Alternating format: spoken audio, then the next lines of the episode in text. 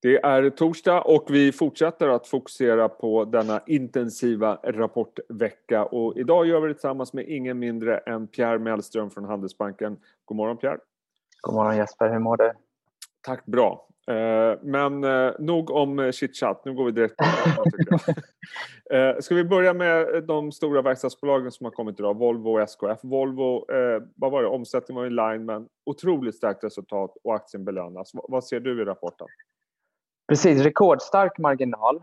Eh, också väldigt stark på ordersidan. Så det är, det, är, tydligt att det finns väldigt stark efterfrågan och mycket av diskussionen hamnar ju då på hur mycket problem får man från halvledarbristen. Eh, och där kan man ju notera att även om de får stanna produktionen lite ibland så är det, det är tydligt att det är en väldigt stark efterfrågan och det är väl kanske det som kanske väger tyngst och eh, marginellt positivt då att det var åtminstone inte så att de pratade om att det verkar ha förvärrats på det sättet. Och, och lyssnar man på SKF på deras rapport så var de inte så tyckte de att halvledargrejen var lite mer marginell, att det var mer prat än verkstad om man säger så. Ja, jag, jag håller med, jag tycker båda var, för det här har ju ändå varit liksom förutom corona temat när vi gick in i den här rapportperioden. Mm. Mm. Och, och, det känns ändå som att ja, det är lite osäkert men det är liksom inget haveri på något sätt. Nej, Nej det är mer liksom att i och med att det blir att, att man fick stanna produktionen eller liksom att covid kom och det blev liksom och så drog man eh, tillbaka kostnaderna och eh, sen ska man starta upp allting igen och då hänger liksom eh, supply chains inte med.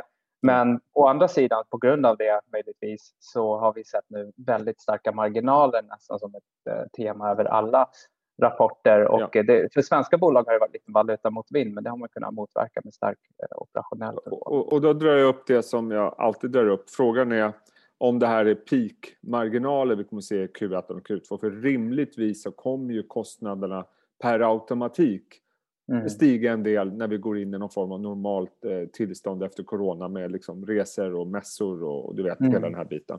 Mm. Så det, det, är väl det vi ser. Apropå SKF. Eh, klassisk eh, aktiereaktion. Eh, mm. SKF kommer mm. in helt in line och aktien mm. straffas. Åtminstone när du och jag pratar om det här. Precis. Håller du med om ja. För det är inte någon dålig rapport utifrån förutsättningarna. Nej, det är väl liksom just nu att inline kanske inte är good enough när man ser Nej. att eh, kollegorna slår förväntningarna.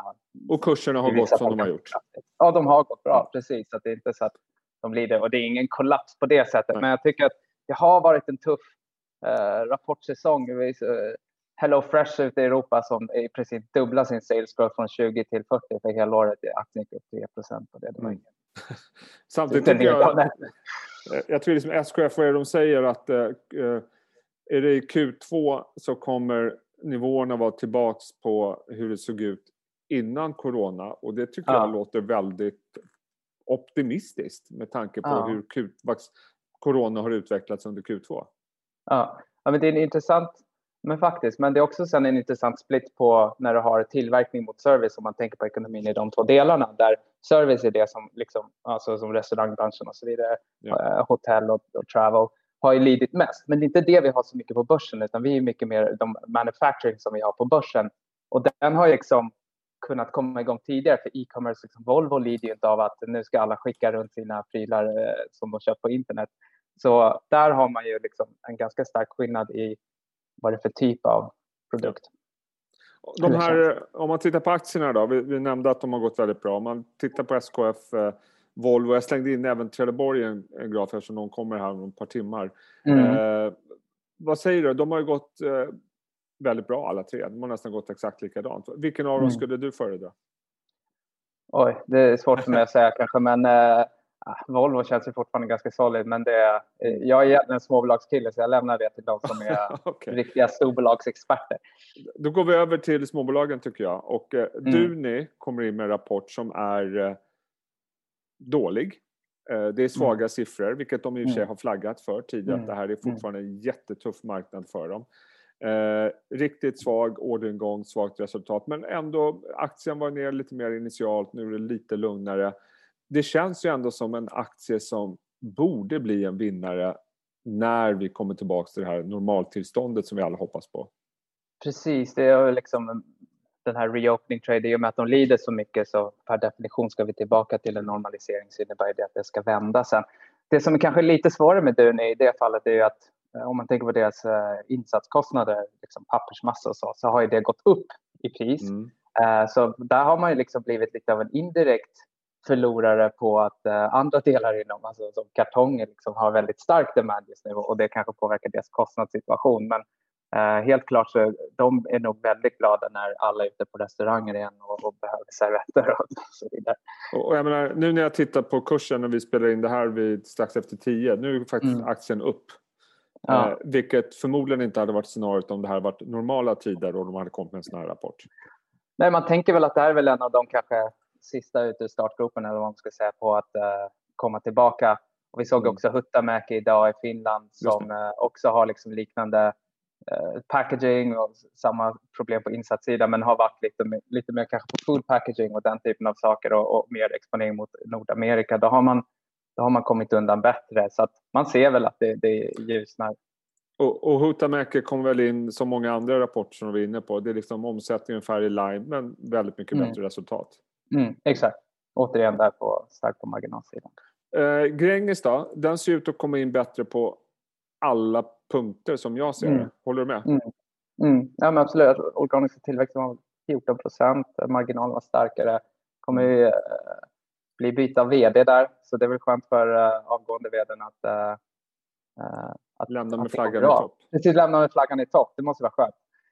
Ja, men jag tyckte om den belönas De verkar också. inte alls för oroliga över att det är högre insatskostnader heller på aluminiumsidan i och med att de slösar vidare till kunden. Det är ju positivt just nu, för vi har ju en allmän, ska vi säga, prisinflation på allting som, som ska in i någonting.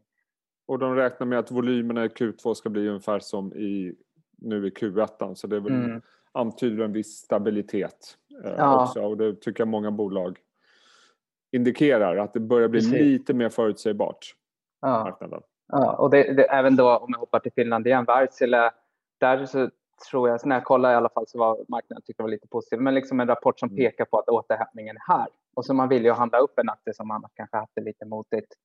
Uh, så att vi ser det på många fronter och det är väl kanske det sen lite senare när vi pratar positionering som jag tror att det liksom fångas liksom i att det finns en väldigt stark riskaptit nu, eller åtminstone att man ser återhämtningen komma väldigt tydligt.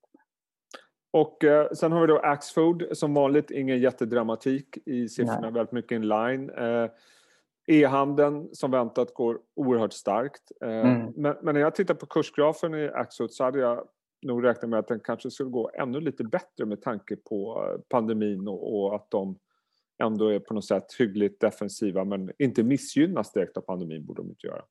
Nej, vad ser precis. du i siffrorna?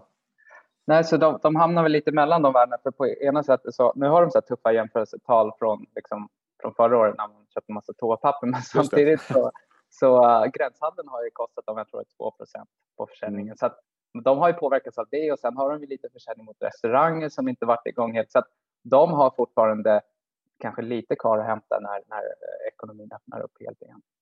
Men de brukar ganska högt värdera de här aktierna också? Det är de. Det är liksom både Icas väldigt välskötta bolag som är operationellt väldigt skickliga. Mm. Uppskattas av marknaden. Vi, vi, avslutar rapportfloran här med Mycronic. Orderingången kom in lägre än förra året men ett mm. rejält resultatlyft. Mm.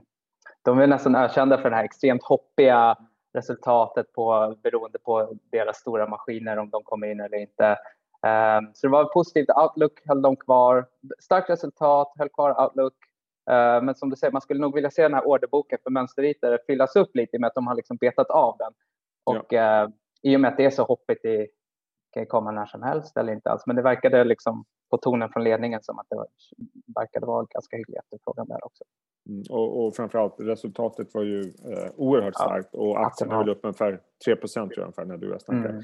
Mm. Eh, vi, vi drar ett streck för dagens rapporter och så ska vi gå in på eh, lite grann eh, du har mer än tio grafer som är väl ganska sammanfattande misstänker jag för lite grann hur du ser på börsen. Och den första mm. visar på, det har vi också pratat mycket om, och det är de här enormt starka inflödena till aktier mm. som saknar mm. motstycke mm. tidigare.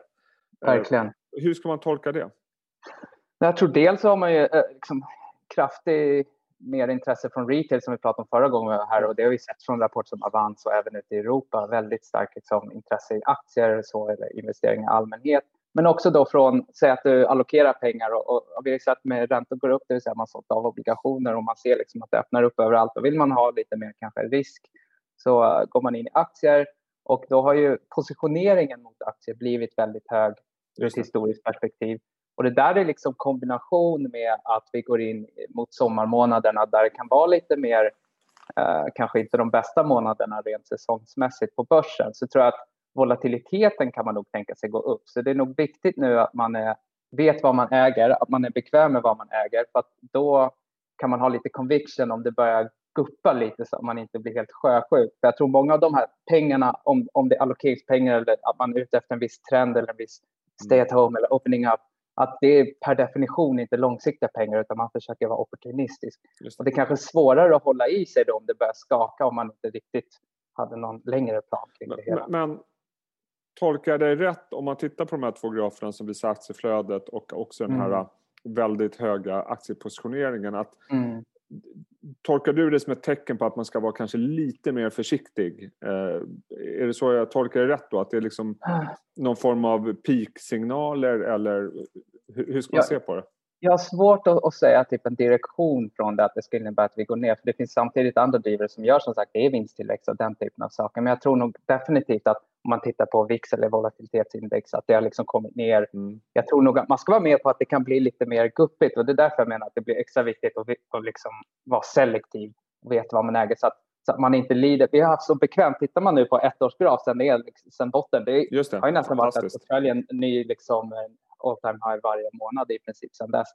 Uh, så att jag tror vi kanske inte har samma liksom, smooth sailing framåt. Okay. Utan man får vara med på att det kan skaka lite. Men det är det som skapar möjligheter också. För volatilitet är ju då man kan, man kan tjäna pengar på om man köper rätt saker. och då är, frågan, då är, frågan vad man ska köpa. Vi har ju varit inne i den här rotationen som jag snackat så mycket om, vilket mm. har gynnat eh, eh, klassiska värde marknader, värdeindex. Mm. Sverige har gått bra, Tyskland mm. har gått bra och så vidare. Mm. Och du har en graf som visar på att det här uppdämda behovet som finns i Europa jämfört mm. med USA. Eh, jag mm. tolkar den som att den är positiv för fortsatt Europaexponering. Har jag förstått grafen rätt då? Jo, men så skulle jag tolka det. Att, uh, det finns, Europa har haft mycket mer lockdown än andra ställen och jag tror nog att det kan finnas ganska mycket liksom, konsumenter som är villiga att sätta sprätt lite på sina pengar. Men jag tror i allmänhet att det mesta av de här value growth, liksom den typen av rotering, rotationer har kanske gått förbi och nu blir det liksom mer uh, aktiespecifikt. Men um, ja, Europa som region ser attraktivt ut tycker jag. Ja, eh, vi håller tummarna för det, Pierre. Mm. Kul att du tog dig tid. Jag vet att eh, du och dina kollegor har extremt mycket att göra de här intensiva rapportdagarna. Så jag ska ja. låta dig få återgå till ditt arbete. Som tur är tycker man att det är roligt. Ja, det, annars hade vi inte hållit på med det här. Men du, eh, tack så du ha Pierre. Sköt om dig så hörs tack vi. Tack så jättemycket Ha det bra. Det gör vi. Ha det Hej. bra. Hej.